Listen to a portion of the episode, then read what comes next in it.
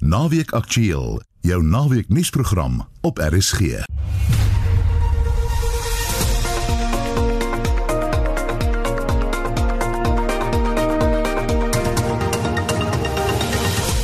die program.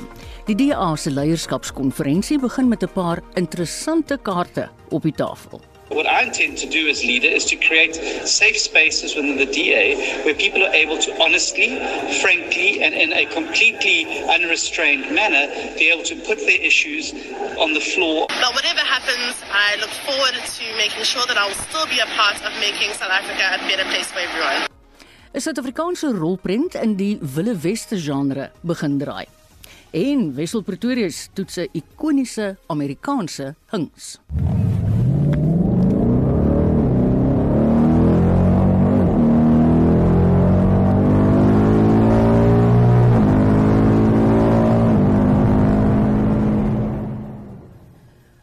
Goeiemiddag. Die redakteur vandag is Hendrik Martin, die produksieregisseur Lewona Bekes en ek is Marieta Kreer.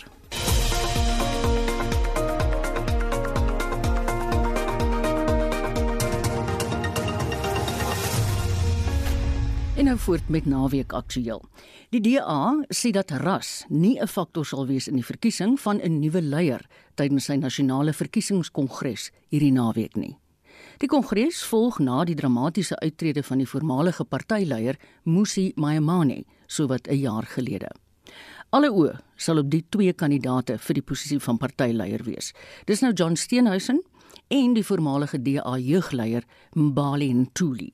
Ons praat nou met 'n senior politieke skrywer by Business Day, Claudie Mailovic. Hallo Claudie. Hoi, goeiemôre en hallo aan RSG se luisteraars. Dankie.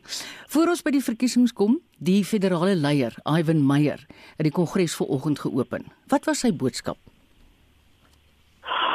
Maar ek moet uh, bieg, ek het glad nog nie na Ivan se boodskap geluister nie. Ek het na John en Bali geluister en ek vra groot om verskoning daarvoor. Nee, dis doodreg. Maar ongelukkig Nee, nee, nee. was ek nog nie so vroeg al daar nie.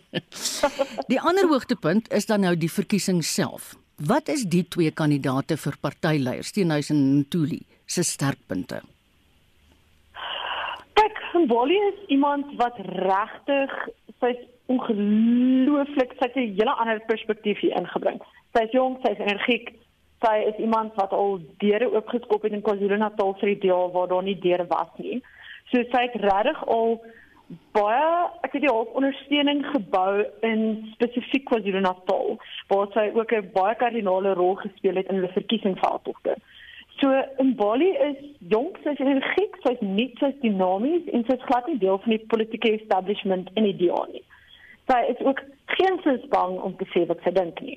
En aan die ander kant het ons vir John Steenhuisen wat kyk ek dink persoonlik John gaan dit vat as ek 'n uh, 'n uh, vrou was wat graag aan op iets gebed het, sou ek gesê John sal dit vat vandag.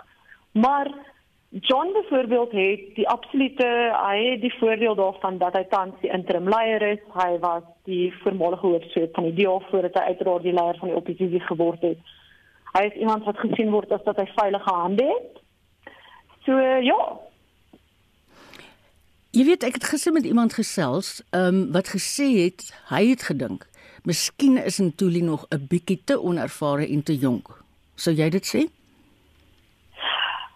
kyk, ek dink uh in terme van ervaring in die DA, Bali is nou al vir 14 jaar lid van die DA. Sy het nou redelike um oor al voor pad gestap met die party.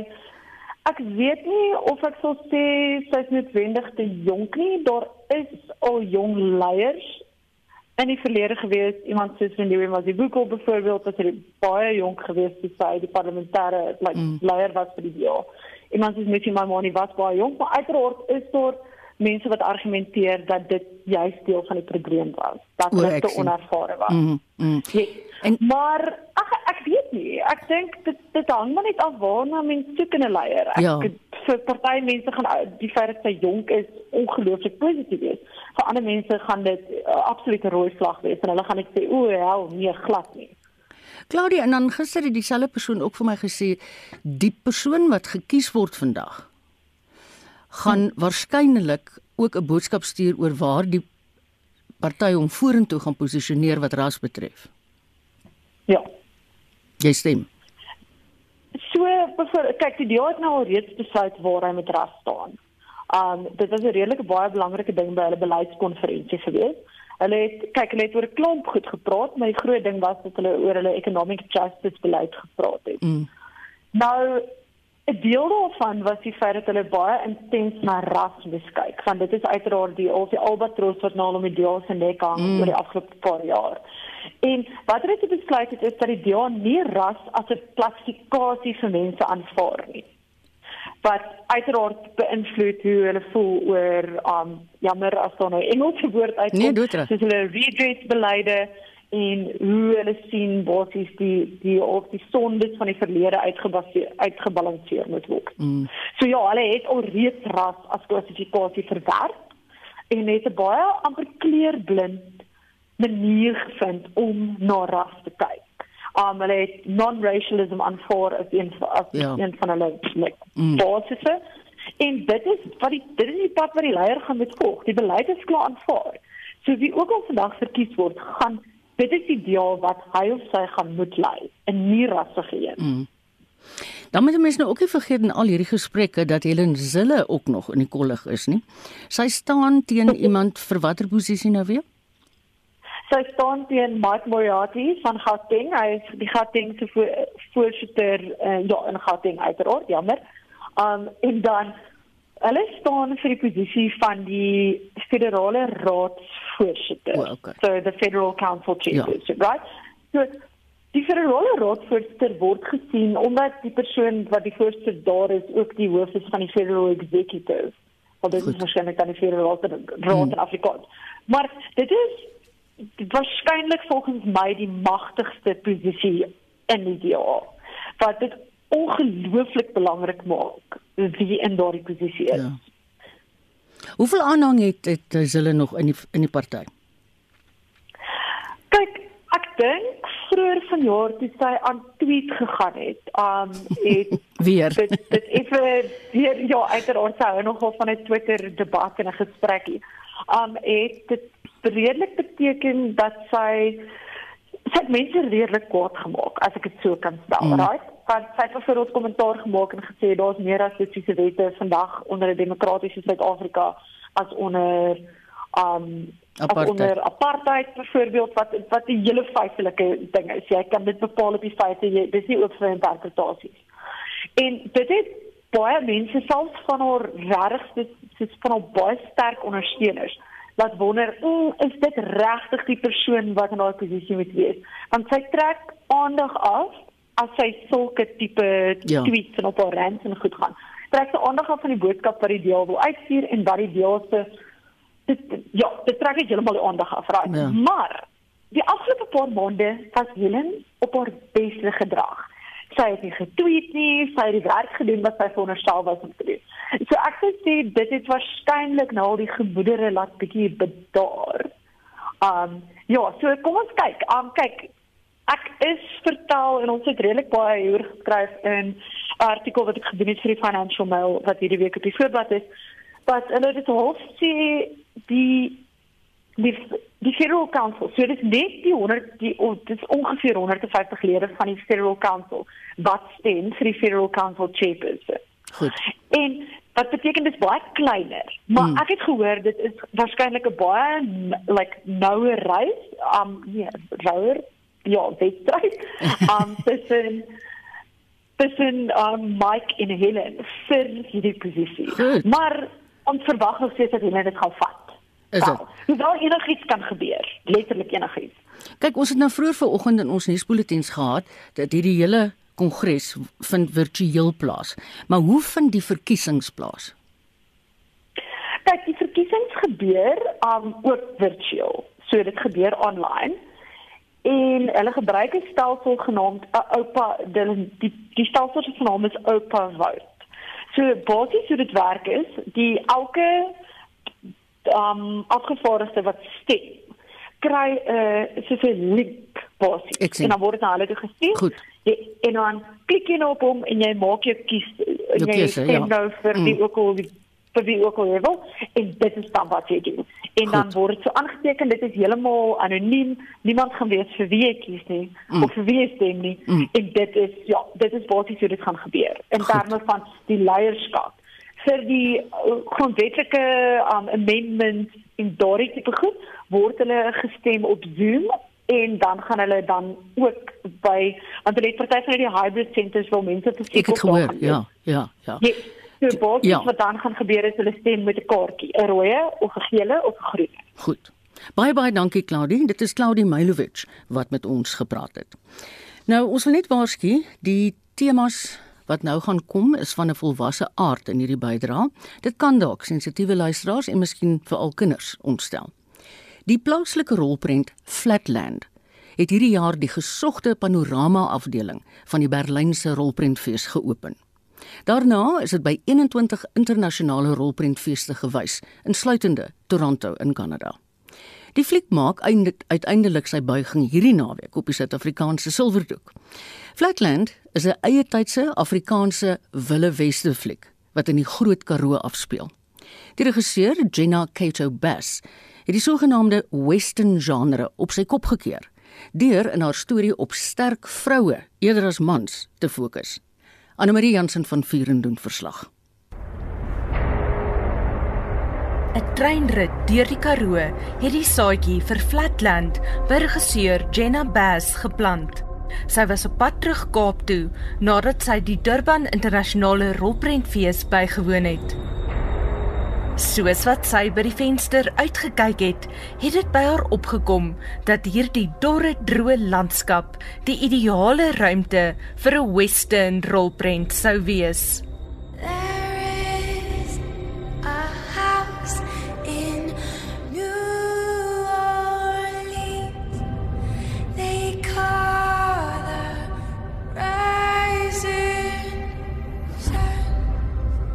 Didn't really realize at the time that the career already had been the setting for many westerns, especially back in the 60s and 70s. And I started watching a lot of westerns. I'd already seen quite a lot. My dad is a very big western fan, and so I started watching westerns and trying to see what my take on that genre would be. And the more I watched, the more I realized that there was so much I loved about westerns, the excitement of the setting. There was just no characters who I could identify with. There was no female characters who had much importance in the plots that I was seeing. I really wanted to see what I would do in those situations that westerns present. And so I thought if I'm going to make a western that that's definitely going to have to be the starting point that we'll have female characters and see how that changes our understanding of the genre.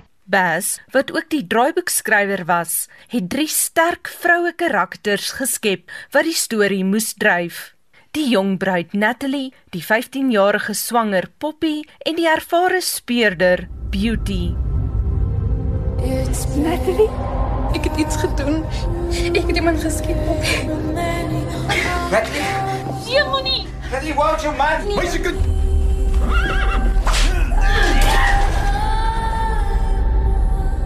Die vroue kon nie hulself op 'n ridder of 'n sogenaamde cowboy verlaat om uit benarde situasies te kom nie. Hulle moes die leiersel stewig vasvat en hulself red. Bass het dus die tradisionele rolle van die western genre omgeruil. It was an intention that we had to challenge gender norms, what we expect from the Western. But kind of the first step was really just having female characters and in some cases wanting similar things to what men want in westerns but then in other ways also having other priorities and everything really stemmed from having three-dimensional I, I hope fleshed out characters who pursued what they wanted and being really true to them throughout and that already for me was like the biggest change that we had when approaching the western as a genre and doing things differently Geweld teen vroue en kinders is 'n sterk tema in die fliek. Weet jy wat gebeur wanneer 'n perd gelei word? Vra nie vir haar nie. Gehoorsaam net. Vyf Beloy, wat die rol van Beauty vertolk, sê daar is min regisseurs wat die onderwerp nog so kaalvuis aangepak het. Sure, I think it's a very big responsibility Jenna's taking on using her art of communication to storytell to bring to the fore this ongoing problem. Violence and inequality, violence against women and abuse have been things that have been there before. We're just lucky we're living in a time where we are allowed to articulate it and try challenge it. I mean, hats off to her using this particular mode of expression to try extrapolate this thing, to try put it out there, unpack it, and let's try challenge it and look at ourselves and reflect and see what can we do as individuals, as a society, as a country, as people. Tog wou Bas nie kykers met hierdie boodskap oor die kop slaan nie.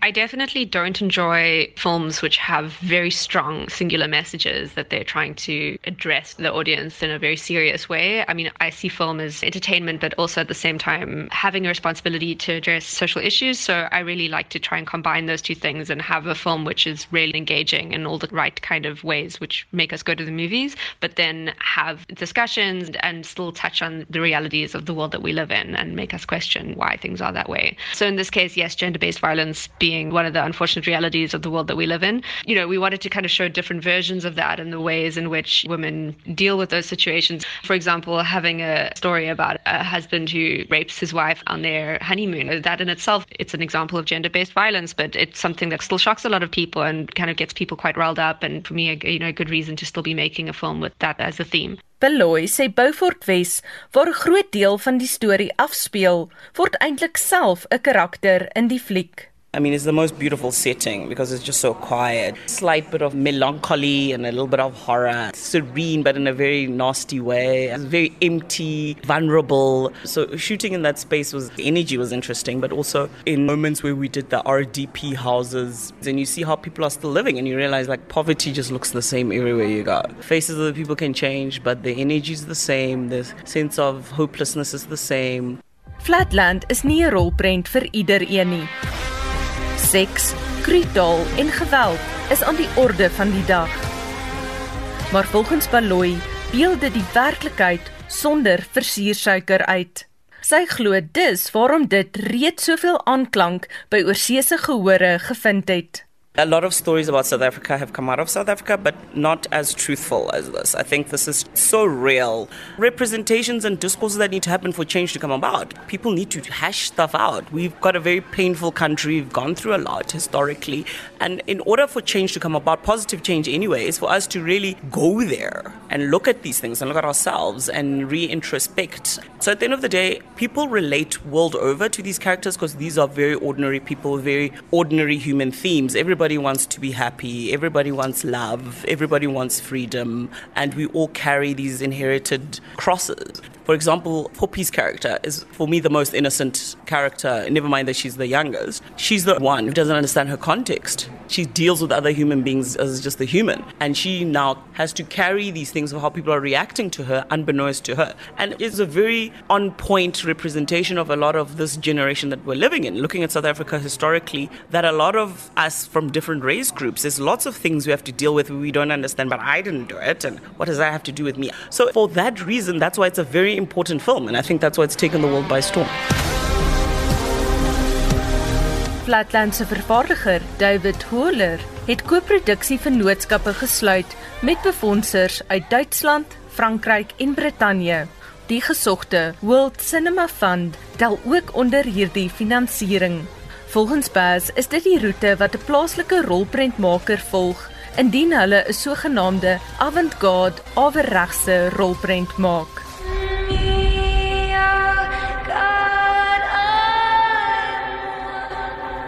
Ek is Anne Marie Jansen van Vuren vir SAK nuus. Klink ongelooflik interessant, hoewel ontstellend. Ek wil net by voorbaat vir luisteraars sê na die volgende bydrae gaan ons 'n reeks telefoonnommers gee waar hulp verleen word aan mense wat slagoffers is van verkrachting of enige geweld teen vrouens en kinders. Maar die laaste is die volgende bydrae, ook eene wat moontlik kan ontstel. Die bydrae is 5 en 'n half minute lank. Die rolprent Flatland se eerste vertoning in Johannesburg is gehou ten bate van die Yellow for Survivors, nie winsgewende organisasie. Die stigter, Leilani Koeter, is op 18 jarige ouderdom by 'n jeugsentrum in Pretoria verkrag. Sedertdien stap sy jaarliks duisende kilometer deur die land om bewustheid oor gendergeweld te skep. Koeter het hierdie vertoning van Flatland bygewoon. Anne-Marie het haar gevra hoe die fliek haar laat voel het. Al is Flatland 'n fiktiewe verhaal, sê Koeter, hulle kon net sowel die fliek met die woorde gegrond op ware feite begin het. Want dit is real life hierdie. Ek het gevoel ek ken sulke mense. Dis nie fiction nie, dis die waarheid. En dis wat ek daarvan gehou het, verstaan jy? En my emosies, ek het nie eendag gegaap nie, nie eendag verveeld geraak nie. My hartstare het bietjie hier en daar opgegaan en dink ek, sê hulle die K-woord, jy weet, die vloekwoorde. En dan maar dit hou jou op jou tone. Jy wil wil heeltyd weet wat aangaan. Hulle het nie uitgetrek nie, nie. Want dit dit is hoe ek voel daaroor. Ek kon relate ek met van die goed. Het van die goed teruggekom terwyl jy die fliek gekyk het, van die emosies wat jy ervaar het. Weet jy, ehm um, ja, so toe ek 18 jaar oud was, ehm um, was ek brutaal verkragt en gelos vir die dood. Die persoon het my verwrig en allerlei goed met my gedoen op die 16de September 1992. Uit die hele fliek uit wat vir my nogal ja aan my geraak het en ek het ek vertel hierdie vir bitter min mense, maar ek ek's eintlik nou reg om mekaar te praat. O, oh, vloek ek emosioneel raak. Die woord blowjob.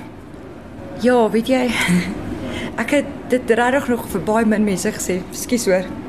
Ek gooi my nou afgaat, maar dis fyn. Dis fyn. Nee, nee, dis nee, dit is oukei. Dis al deel van my healing proses, verstaan jy? Dis nou al 28 jaar terug. Maar ek het vertel dit vir bitter min mense, maar die ou het hom Frankie genoem. Ek het hom nie geken nie.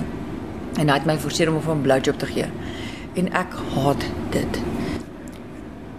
So dat daai woord wat so in jou gesig is, is nogal dit het my so 'n bietjie gevang. Ek gaan nie jok nie. Ja. Maar ek dink is goed. Dit is als deel van die healing proses. Dis hoekom ek die stappe doen. Dit is hoekom ek al buitekant is. Dis hoekom ek my storie vertel. Want ek moes eintlik dood gewees het in 92 en ek is hier en weet jy wat? Dit is wonderlik om vir myself, ek myself eintlik op die kan sê, maar ek groei elke dag. I mean dit dra ek al by my 28 jaar. Ek vertel en jy sou die tweede persoon van wie ek dit vertel. Ek praat nie oor daai stuk van die hele storie nie. Ek hou nie daarvan om oor te praat nie. Jy weet, want dit is nie 'n memory wat jy natuurlik ooit sou vergeet nie.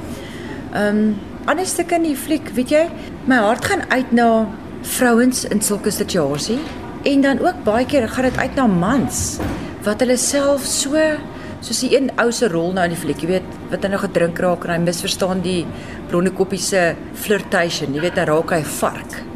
Sulke goed maak my kwaad. Maar ja, jy weet, dis 'n fyn lyn baie keer. Ek wil vir jou sê, dis iets waaroor ek nogal wil baie keer praat. Ons moenie, ek sê nie vrouens soek daarvoor nie. Moenie my verkeerd verstaan nie. Maar ons 'n man bly ook 'n man, jy weet. So ek dink vrouens moet partykeer na hulle behavior ook kyk, maar dit gee nie die man die reg om net te doen wat hy wil nie. Iets wat vir my nogal uitgekom het in die rolprent is hoe die vroue soms ontvlug en hulle dink hulle gaan 'n veilige hawe iewers vind en dan verwerp hulle eie families of mense na aan hulle. Hulle vind jy ook in jou ervarings met vroue wat jy praat dat baie keer kry hulle nie die toevlug waar hulle dink hulle gaan dit kry nie en Dit is 'n groot probleem. Ek word baie kwaad as ek hoor hoe vrouens vertel hulle mammas het hulle nie geglo toe hulle jonger was nie. Dit gebeur baie in families en dan is dit gewoonlik die pa of die oom of die neefie of wat ook al en die kind word dan afgepers. Jy weet want die pa sorg vir hulle. Jy weet en die ma wil nie die kind glo nie. Want presies wat hy sê hulle kan nêrens hier gaan nie. En dit is waar vertroue inkom jou hele lewe lank het jy 'n vertroue probleem. Nou gaan jy in die groot mens wêreld en dan sukkel jy regtig om mense te vertrou en daarom baie keer sulke vrouens en ek is self al daar gewees jy het nie baie suksesvolle verhoudings nie want jy kan niemand vertrou nie Ja, so ek sê ook altyd vir ma's, jou kind sal nie lieg oor so iets nie. Nie somme nie. Daar moet mentaal iets fout met haar wees as sy lieg oor so iets. So glo haar as sy dit vir jou sê. Moenie dit ignoreer nie. Iets wat ook uitkom in die fliek is byvoorbeeld dat die man dink hy het reg om te verkrag omdat hy haar man is. Weet jy? Jy hoor baie van vrouens wat in hulle huwelike verkrag word. Van die man voel wel jy's my vrou, soos die ou in die rolpret gesê het, maar jy's nou my vrou. Maar ja, ek dink mans moet besef, jy het nie die reg nie om dit te doen nie, glad nie. En dit maak jou nie 'n man nie, dit maak jou 'n lafaard. As jy na flieks soos hierdie kyk en jou staptogte ook, wat sê jy by rol speel dit om mense bewus te maak van die probleem? Die rede hoekom ek die stap doen, eers is om geld in te samel vir Rape Crisis Centers. Die tweede rede of eintlik die eerste rede is hierdie rede is my belangrikste rede is om vir mense daar buitekant wat stil bly, wat met daai geheim lewe, vir hulle te sê you not alone. Ek is daar Ek is nie 'n counselor nie, maar my beste raad is om kry iemand waarmee jy, jy kan praat daaroor, want om met daai seer te loop op jou eie, dit is regtig nie moeite werd nie. Jy maak jouself net siek. So my hele boodskap met die stapreis om te sê ek sit myself deur pyn wanneer ek stap. Want glo my, dit is pynvol. Maar die reward op die einde is so beautiful elke dag as ek 27 km of 28 km gestap het. Daai dink van ek kan doen. Ek sit een voet voor ander. Ek beweeg vorentoe. Dis hoekom ek dit doen om te sê ek hoop ek gee jou eventually die moed om jou storie te vertel vir iemand anderste. Moenie stil bly daaroor nie. Gaan miskien vir selfdefens klas begin praat daaroor. Jy weet wat ek sê of begin net jou lewe geniet want ek sê altyd vir mense jy verdien regtig happiness. Want daar's vir my niks so erg as ek hoor hoe mense in hulle 50s, 60s is en hulle vertel van jare terug wat dit gebeur het. Met ander woorde, hulle al die jare met daai eina, jy weet. Ek's baie committed aan aan hierdie ding. As ek net 'n verskil in jou lewe kan maak, as ek jou net bietjie moed kan gee. Dit was Leilani Koeter, die stigter van die verkrachtingsbewustheidsorganisasie Yellow for Survivors. Indien jy met Leilani Koeter wil kontak maak, kan jy haar webblad Yellow for Survivors opsoek. Webblad Yellow for Survivors. Dan as jy natuurlik 'n slagoffer is of weet van iemand wat 'n slagoffer is van verkrachting, hier volg nou 'n paar nommers wat geskakel kan word. Die Rape Crisis Sentrum se 24 uur hulplyn is 021 447 9762. 021 447 9762. Op 'n selfoon kan jy die Tears soos trane Tears Foundation kontak deur die volgende nommer in te tik. Sterretjie 134 sterretjie 7355 hitsmerk. Sterretjie 134 sterretjie 7355 hitsmerk. Daar's ook die Teddy Bear kliniek in Johannesburg wat spesialiseer daarin om seksueel mishandelde kinders te help.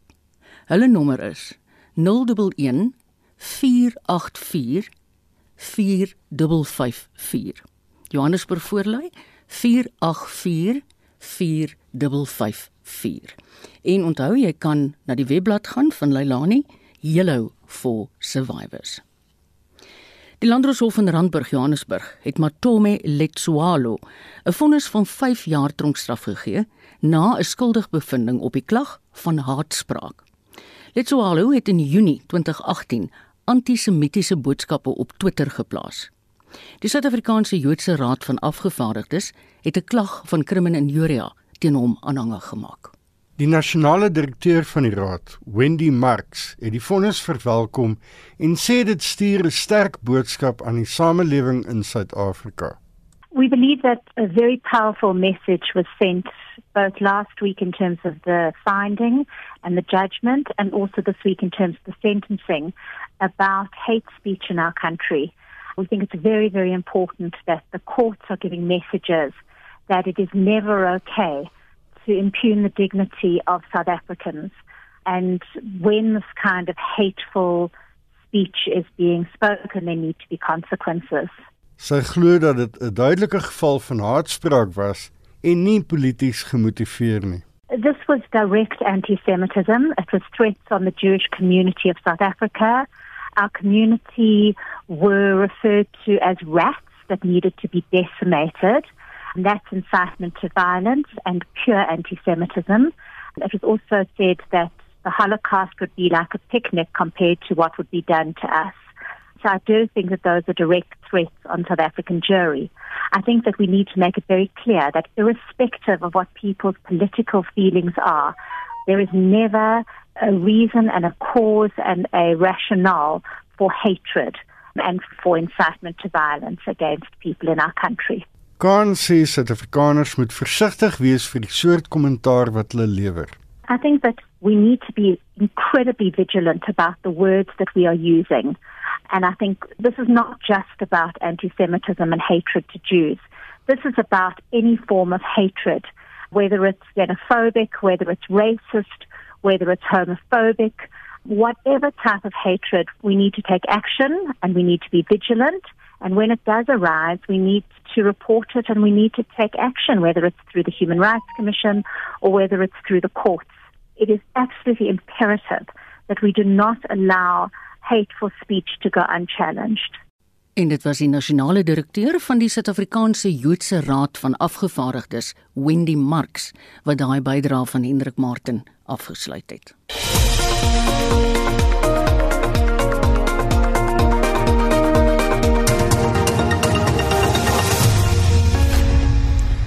Dis byna byna 25 minute voor 1. Suid-Afrikaanse navorsers is redelik oortuig daarvan dat 'n gebrek aan kos die oorsaak is van die dood van jong robbe aan die Namibiese kus, veral by Pelican Point by Walvis Bay. Frikkie Wallis het die verslag van daai kus af gestuur. Die gebrek aan genoeg kos is een van die faktore wat bygedra het tot die massa-aborsies van die Kaapse pelsrobbe. Maar die direkteur van navorsing by die Namibiese dolfynprojek, Dr. Simon Selwyn, sê die vrektes het die afgelope paar dae begin afneem, veral by Pelican Point. Dit kom egter steeds voor, hoewel teen 'n stadiger tempo. Die stigter van die Namibiese seelewe bewaringsorganisasie, Nudi Dreyer, sê die aanvanklike beraming van 5000 dooie robbe by Pelican Point lyk nou of dit 'n konservatiewe skatting was.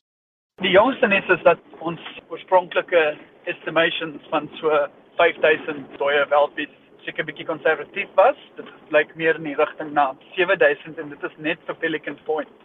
En dit sluit nou nie in die seker wat ons min of meer bepaal het seker 3000 dooie volwasse spesies en 1 jaar oue kleintjies wat ook op die strand lê. Dis dis nou net tussen Walvisbaai en Kaapkruis. So dit sluit nou nie die hele land in nie, maar ons kry nou baie inligting van verskillende mense wat op die strand rondry en so wat vir ons net help met uh met tel.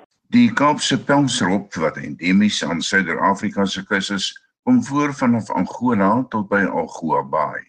Dreyer het gister waarnemings uit die lug gedoen en dooi robbe van Loederts af tot noord van Henties Baai opgemerk. Die robbe is almal baie baie dun. So alles punt na food shortage, maar die voedseltekort kan as gevolg wees van iets anders. Dus kom ons nou nog steeds al die toetse gaan doen. Ek wil ook net bydra dat in die laaste week goeders uh, eintlik drasties verbeter het.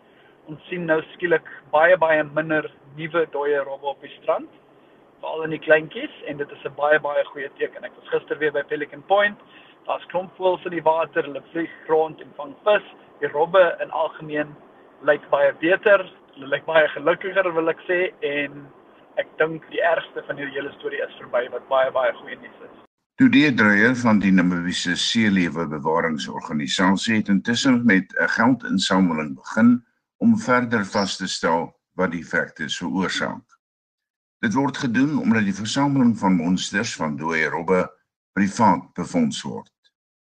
Ek is vir Gibalus op swak op moed. Nou, die naweek beteken dis sport en dit het reeds gister aan die gang gekom en ek gesels nou met Pieter van der Berg daaroor. Hallo Pieter. Môre middag sê Marita. Verlede naweek is die Lions se rugbywedstryd toe afgestel weens corona, maar gisterand was hulle toe nou terug op die veld. Hoe het sake toe verloop? Ja, daar's drie plaaslike super rugby wedstryde geskeduleer vir die naweek en soos jy sê die Lions gisterand teen Griekwas in Johannesburg gespeel. Die Lions het 9-3 gedruk waarvan Cornell Skossan 'n 3 bygedra het en die eindtelling daar was 61-31 in die guns van die Lions. So 'n wegoorwinning dan vir die Lions. Vanmiddag se wedstryd begin om 05:30 dis die Pumas teen die Sharks en Dion Skuman sal gereed gereeld verslag doen op RSG uh, oor daardie wedstryd. En dan vanaand om 7:00 is dit uh, die volledige kommentaar wat wag op ons luisteraars en dis die wedstryd tussen die Bulls en die Stormers. Dis op ons Versveld. Ek en Jody Hendricks sal daar in die kommentaar ook wees. Dan op internasionale vlak is dit die drie nasies wedstryd tussen Australië en Nieu-Seeland wat uh, byna iets van die verlede is. Dis op 'n nat veld daar in Sydney waar die wedstryd gespeel word. Nou uh, Richie Mwanga, die loskakel van die opleiding hy 2-3 in die eerste helfte gedruk en die rustuittelling daar was 26-0 vir Nieu-Seeland hm. um, en Australië wat glad nie punte kon aanteken in die tweede helfte. Dit is soos sê die wedstryd byna iets van die verlede 43-5 nou reeds die telling yeah. in die guns van die All Blacks. So hulle het al reeds 6-3 teen ingedruk. En dan in Europa is dit die ses nasies reeks wat uh, uh, daar nie minder nie as drie wedstryde geskeduleer is vir vandag. Wales speel teen Skotland om kwart oor 4, dan kwart voor 7 vanaand Italië teen Engeland en Marita die laaste wedstryd vanaand is Frankryk teen Ierland. Daardie wedstryd begin om 5 minute oor 10 vanaand. Pieter, op ons plaaslike golffront is die aksie by Sun City, maar daar is ook toernooie in Europa en Amerika, né? Nee? Ja, in die plaaslike sonskynreeks is dit die Royal Swansea Ope wat daar op die Gary Player baan by Sun City gespeel word. Nou na die derde ronde gister is dit Daniel van Tonder wat op 38 punte was, dis plus 38. Hy is nie minder as 14 punte voor Niels Skietekant wat op plus 24 is met Anton Haig en JC Ritchie. Ritchie daar op 22 uh, punte in die gesamentlike derde plek. En dan in die Europese reeks is dit die Cyprus Ope wat gespeel word. Nou na die tweede ronde is dit Marcus Armitage en Jamie Donaldson wat beide op 1200 syfer is. Daar is ehm um, wat die Suid-Afrikaners aanbetref, Derek Higo, hy is op 800, Wilco uh, Wilco Ninaber op 700 en Louis de Jager hy is op 600. Dan op die Amerikaanse PGA Tour is dit die Bermuda Kampioenskap wat gister sy tweede ronde beleef het en Ryan Alme en Wyden Clark, hulle is die voorlopers op 800 syfer. Brandon Grace, 'n hele entjie terug, hy is op 1 oor syfer. Ons het dan gelukkig hierdie week gehoor dat internasionale krieket binnekort weer hier in Suid-Afrika gespeel gaan word, maar op die oomblik fokus ons seker nog maar op die Indiese Premier Cricketliga. Ja, jy's baie reg, dis die Rajasthan Royals wat gister 'n uh, oorwinning van 7 paaltjies behaal het oor die Kings 11 Punjab en op die punte leer nou is die Mumbai Indians op 16 punte, die Challengers Bangalore is op 14 in die tweede plek en die Delhi Capitals, hulle is derde ook met 14. Vandag speel die uh, Delhi Capitals teen die Mumbai Indians. Nou, die wedstryd het so 'n paar minute gelede begin en die Royal Challengers Bangalore, hulle sal 4 uur vanmiddag by veld stap teen die Sunrisers Hyderabad. Op die renbaan wag nou hierdie naweek 'n blaaskans op die motorfietsrenjaars, maar Formule 1 renjaars trek in Italië saam. Ja, dis die Emilia Romagna Grand Prix wat op Imola gejaag word, eerste keer sedert 2006. Dat daar weer vol Ja. wedrenne op daardie baan is en die hoofren begin môre om 10 oor 2. Nou Pirelli het hierdie naweek C2, C3 en C4 bande sien vir die wedren en dis natuurlik wat die sagtheid aanbetref. Dit is een stapie sagter as vir hierdie naweek se bande wat gebruik was en dis ook die eerste keer dat 'n byeenkoms oor net 2 dae beslis word. Baie interessant, die oefensessie het vanoggend plaasgevind, vanmiddag ja. is die kwalifisering en dan môre uh, is natuurlik die hoofwedren wat net na 2 begin. Maandag 'n monitor het jy vir ons gesê, die goeie nuus gegee dat Ryan Klaasen wat die dubbelspel titel in Duitsland verower het en dit was lekker om dit te weet. Wat gebeur hierdie week met ons tennisspelers? Ja, goeie nuus vir Suid-Afrika. Kevin Anderson 22 maande laat wat hy 'n halfeind van 'n groot toernooi Jo. gehaal het, kan jy glo het gister vir Daniel Medvedev met 6-4 en 7-6 in die halfeind verslaan. Dis daar in Oostenryk se ATP toernooi en baie goeie nuus. Hy sal dan in die halfeind vandag teen uh, Audrey Rublev speel. Ek sien daar Grigor Dimitrov is deur Daniel Evans uitgeskakel en Novak Djokovic, hy het ook pak gekry. Hy het verloor teen Lorenzo Sonego. So baie goeie nuus. Kevin uh, Anderson vanmiddag. 3 uur Suid-Afrikaanse tyd is hy in die halfeind. Ek gaan beslis kyk. Hier in Suid-Afrika is die halfeind naweek op die sokkerveld aan die gang en in die Engelse Premierliga het die eerste skote gisterand geklap, né? Nee. Ja, gisterand Wolverhampton Wanderers wat vir Crystal Palace met 2-0 die loef afgesteek het. Vanmiddag in die Orlando Stadion is dit uh, Orlando Pirates teen Kaizer Chiefs om 3 uur en môre, dit is in die tweede of die eerste halfeind dan uh, eerste beenhalfeind van uh, daardie NTN 8 kompetisie, is dit SuperSport United wat om 3 uur teen Bloemfontein Celtic op die veld sal draf. En dan vandag in die Premier Liga, dis in die Britse Premier Liga, is dit Sheffield United teen Man City, Burnley kom teen Chelsea te staan en vanaand om 08:30 Liverpool teen West Ham United. Dan is kan nie klaar daar's te min sport nie, né nee, Pieter. Baie baie dankie. Hoor, geniet jou naweek. Daar word gehoop dat die nuwe tussentydse direksie van Cricket Suid-Afrika, wat gister deur die minister van sport, Natim Tedwa aangekondig is, stabiliteit in die sport sal bring. Een opspraakwekkende aanstelling is Haroon Lorgat, wat voorheen die uitvoerende hoof van KSA was. Tinus van Staden, 'n sportskrywer, sê Lorgat is 'n internasionaal gerespekteerde administrateur en KSA was 'n stabiele organisasie tydens sy bewind. Die tussentydse raad wat minister Nadim Tedwa Vrydag aangekondig het, bevat 9 lede, waarvan die meeste van hulle is onafhanklik van cricket, bedoelende hulle dien nie tans op enige cricketstruktuur nie. Die uitsondering is Umfile Ramela wat is 'n huisoudspeler wat diens gedoen het as die Suid-Afrikaanse Cricketspelersvereniging se president en dan ook Zolani Wonya Hy is die president van Oostlikes en hy het ook op Cricket Suid-Afrika se lederaad gedien. Ander lede wat nou op die tussentydse raad is, is Haroon Logat wat ehm um, voorheen die die uitvoerende hoof van Cricket Suid-Afrika was. Professor Andre Odendaal is 'n uh, crickethistorikus en ook 'n uh, voormalige president van die WP. Hy dien ook op die raad. Die voorsitter is Zak Jakob. Hy is 'n regter en Judith February is ook 'n prokureur en 'n bestuursdeskundige is op die raad. Maar oor die algemeen lyk dit of daar 'n wye bestek van kennis is hopelik mense wat cricket se belange voorop sal stel. En Tinus, wat sal hulle onmiddellike prioriteite wees? Die tussentydse raad is aangestel vir 'n uh, aanvanklike tydperk van 3 maande, maar maar ek verneem dit kan verleng word na so lank as 6 maande. Hulle onmiddellike prioriteite sal wees om in die eerste plek te kyk na die Nicholson aanbevelings van 2012. Net kortliks agtergrond toe het oudregter Chris Nicholson na 'n kommissie van ondersoek bevind dat Cricket Suid-Afrika se bestuurstruktuur lomp is en die die raad moet meer vaartbelyn wees en hy moet bestaan uit 'n oorgrootste meerderheid onafhanklike direkteure. Tweedens sal hulle kyk na die Fundutsi forensiese verslag na Cricket Suid-Afrika se bestuurspraktyke die laaste 3 jaar. Um, en hulle sal die bevindinge daarvan en die en die aanbevelings daarvan moet implementeer soos hulle soos hulle goeddink. En dan derdens moet hulle net kyk na alle raadsbesluite wat geneem is sedert 2019 en dit hersien en kyk of dit steeds toegepas kan word, hoe dit verander kan word.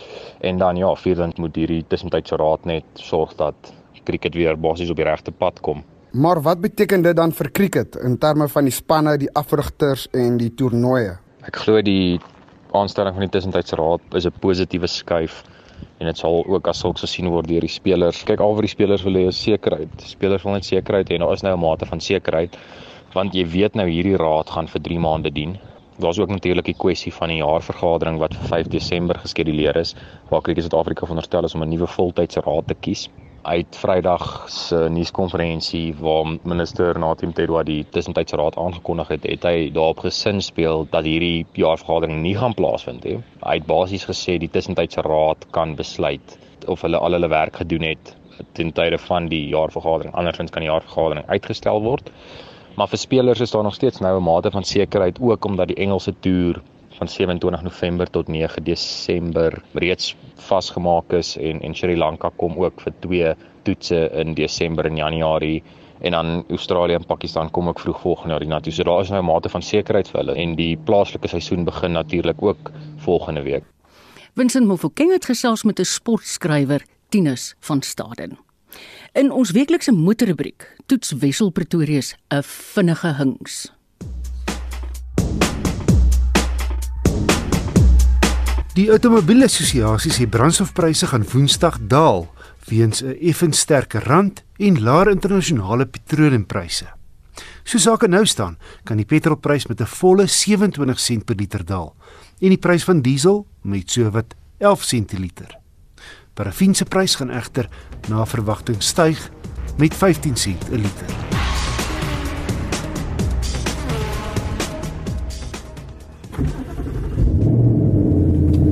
Ford 'n Mustang GT 5.0 aflewer, het my gedagtes teruggegaan na jare gelede toe ek kans gekry het om 'n 1985 Mustang met dieselfde benaming te bestuur. Nou, soos daai Mustang van 35 jaar gelede, dui die 5.0 op Ford se 5 liter V8. Wat my steeds bybly van die 85 Mustang was die Briete krag en mooi gebrul van die V8. Die Mustang sedert 1964 'n ongekompliseerde en bekostigbare ryding wat so soetkoek in Amerika verkoop het, was ons lank nie beskore nie. Daai 85 Mustang was linkerstuur en skaars soos 100 tande want destyds het jy 110% invoerbelasting op die koopprys betaal indien jou voertuig nie plaaslik vervaardig was nie. Dis nou boonbehalwe ander kostes soos verskeping. Die eerste masjien is wel in die 80er jare plaaslik in die Sierra XR8 gebruik. 'n Kar het 0 na 100 in net onder 7 sekondes afgelê en 'n topspoed van 231 km/h behaal.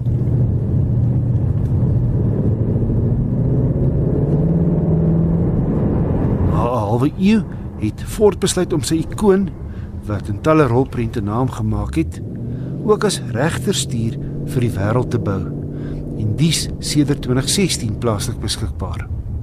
Hy is verlede jaar opgeknap en die V8 stoot nou 'n massiewe 331 kW en 529 Nm wrinkrag uit.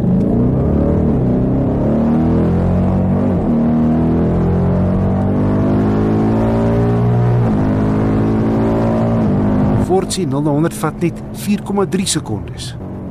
Die ou 6-spoed outomaties het plek gemaak vir 'n 10-spoed outomaties. Soms raak die skakelings tussen al die ratte nie te besig. Ek sou 'n 6-spoed handrat verkies om self te besluit in watter rat ek wil wees. Maar jy kry plaaslik nie meer die opsie van 'n handrat nie. Gelukkig kan jy die 10-spoed ook tot 'n mate soos 'n handrat ry met span agter die stuur. Wat opval is die charismatiese klankbaan teen enige toere. Ford praat van 12 liter per 100 km, maar 'n swaar regtervoet gaan die Mustang se verbruik gou noordwaarts stuur. Splinternuwe instrumentasie dien diens en jy kan tussen verskeie opsies kies, ook 'n retro voorkoms. Oor die algemeen lyks en baie volledig toegerus, maar op 'n paar plekke het ek beter kwaliteit materiale verwag teen die prys. Hierdie kopie se twee agterste sitplekke is net groot genoeg vir kleinkinders. Anders as Duitse sportmotors is die vering meer op gerief eerder as uit en uit sportiewe hantering ingestel. By die Mustang 'n lieflike langpadkar maak met steeds goeie en gebalanseerde greep om vinnige draaie. Hy bied verskillende bestuursmodusse, ook Sport Plus en Racetrack. My gevolgtrekking, die Ford Mustang 5.0 GT Fastback, het hoop karakter. Aangevuur deur die nostalgie wat saam met die handelsmerk kom. Hy het sy foute, maar die word oorskadu deur die ou skoolse spierdier se klank wat musiek vir enige petrolkop se ore is en 'n groot goedvoel faktor. Die wisselkoers is egter wreed. Die model kos nou al net oor 'n miljoen. Die goedkoopste model, 'n 2.3 turbo, kos 859 000 rand. Die skool vir geneeskunde aan die Harvard Universiteit in Amerika sê wetenskaplikes sukkel steeds om die oorsaak van vetsug te bepaal.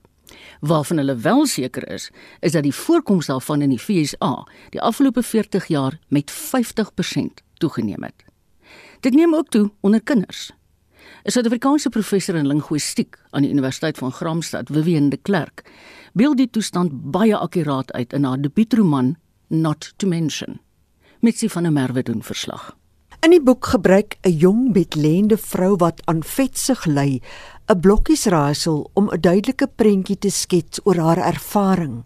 Selfs die bladsye in die boek is in 'n driehoek blokkieraaisel prentjie genommer. The crossword puzzle evolved as I grappled with the way in which this young girl who's just going to turn 21 has landed up stranded on her bed because she's 360 kilograms and she can't move anymore and she has her mother tending to her needs and I decided she'd compile a jumbo crossword.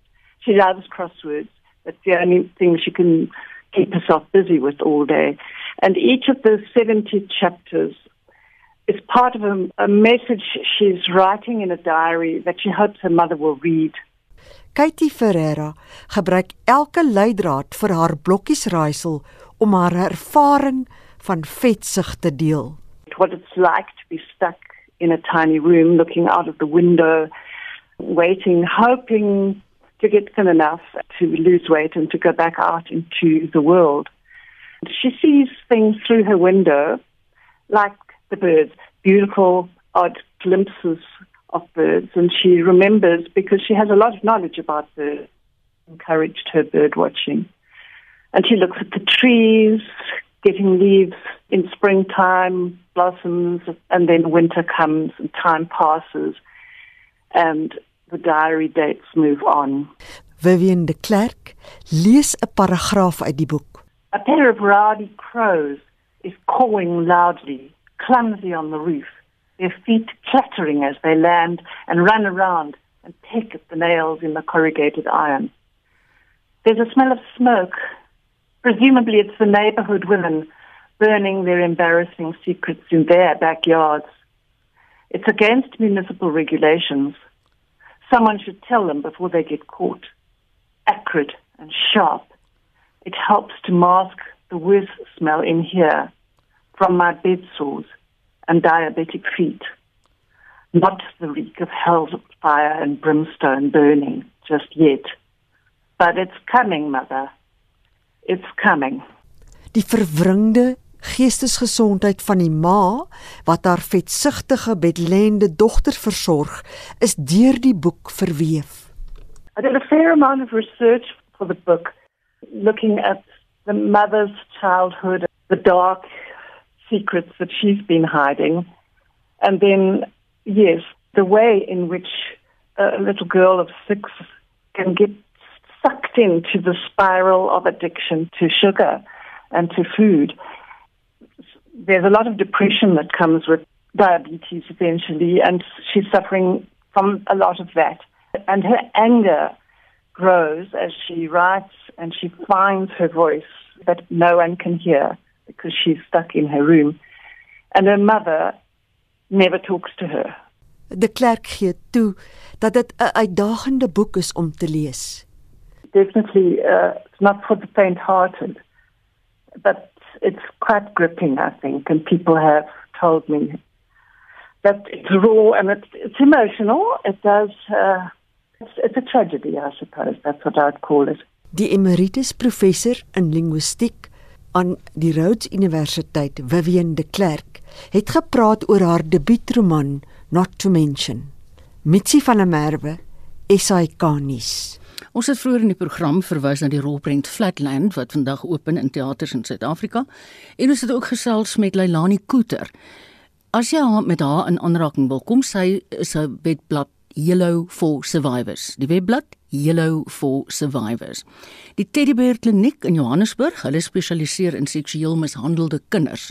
011 484 4554. Die selfoontoepassing vir Tears Foundation is die volgende nommer: sterretjie 134 sterretjie 7355 Hertzmerk. En die Ripe Crisis Center se 24 uur hulplyn is 021 447 9762. daarmee die einde van vandag se naweek aktueel. Ons redakteur was Hendrik Martin. Lewona Bekes het gesorg dat ons op en af die radio gaan. Ek is Marieta Kreer en ek hoop jy geniet die res van jou naweek saam met RSG.